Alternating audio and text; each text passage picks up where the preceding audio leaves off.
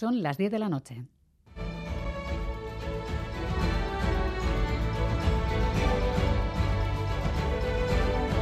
Radio Euskadi.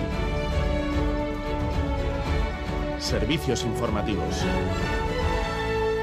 Repasamos los titulares del día con John Fernández Mur, Gabón. Gabón, Miriam, noticias de este jueves 3 de noviembre en el que comenzamos hablando de economía. El Banco Central Europeo ha irrumpido en el debate sobre el impuesto a la banca con un nuevo informe. Informe que insta al Gobierno a examinar exhaustivamente si puede acabar mermando la concesión de créditos y que, por otra parte, recomienda a los bancos que trasladen ese nuevo gravamen a los clientes. El informe ha trascendido justo en pleno debate del nuevo impuesto en el Congreso. El Gobierno sigue adelante con el impuesto. Recuerda que el informe del Banco Central Europeo no es vinculante y añade que ya ha tenido en cuenta todos los posibles efectos de ese impuesto antes de hacer la propuesta. María Jesús Montero, ministra de Hacienda, le respondía a Cuca Gamarra, portavoz del PP.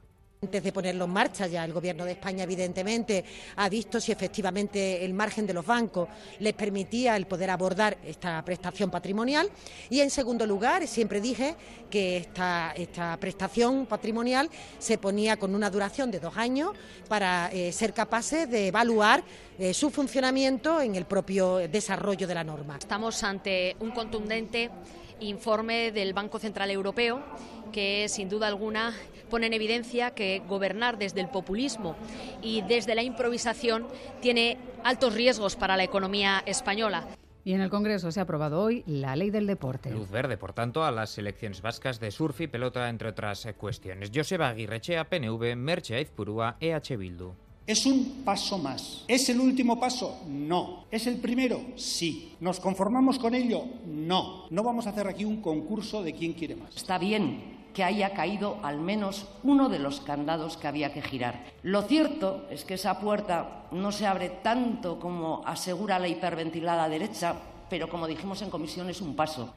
Ayer conocíamos el caso de Asia, la niña a la que sus padres no pueden llamar así por la negativa de una jueza de Gasteiz. Esta tarde se ha pronunciado Euskal Chaindia. La Academia de la Lengua Vasca se muestra dispuesta a redactar un informe que la familia pueda usar para recurrir esta decisión. Además, hoy hemos conocido que esta misma magistrada, por ejemplo, no permitió a otros progenitores inscribir a su hijo como Iyargi por ser chico. Escuchamos a su ama.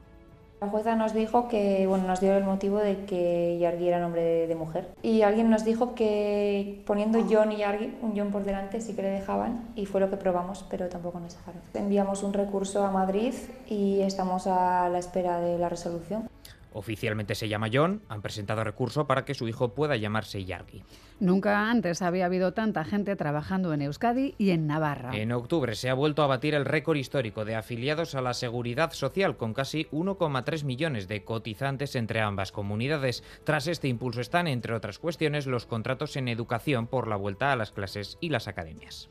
Y el Departamento de Educación del Gobierno vasco ha comenzado ya a concretar los detalles de la futura ley de educación. Sí, hoy ha dado a conocer el nuevo decreto de matriculación que buscará evitar la segregación del alumnado vulnerable a partir del curso que viene en primero de infantil. Con la información que aporten las familias se determinará el número de plazas que deberán reservar tanto centros públicos como concertados para este alumnado vulnerable. Un último apunte, los restos mortales del militar golpista Keipo de Llano ya no descansan en la Macarena de Sevilla. Después de 71 años, los restos del responsable de miles de fusilamientos en Andalucía han salido de la iglesia de la Macarena de Sevilla cumpliendo así la ley de memoria democrática, mientras que para el gobierno de Pedro Sánchez la exhumación de Keipo de Llano es un acto de dignidad democrática, el Partido Popular considera que hacer política con los muertos no es la prioridad de la ciudadanía. El Departamento de Seguridad pide especial precaución en la Guipúzcoa 20 en Donostia, sentido Rentería, donde un vehículo se ha salido de la calzada y ha chocado contra la mediana, y también en la Vizcaya 636 en Alonsotegui, dirección Balmaseda, donde otro vehículo ha sufrido un accidente.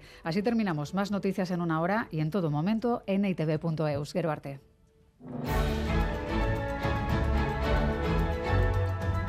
EITV, tu grupo de comunicación.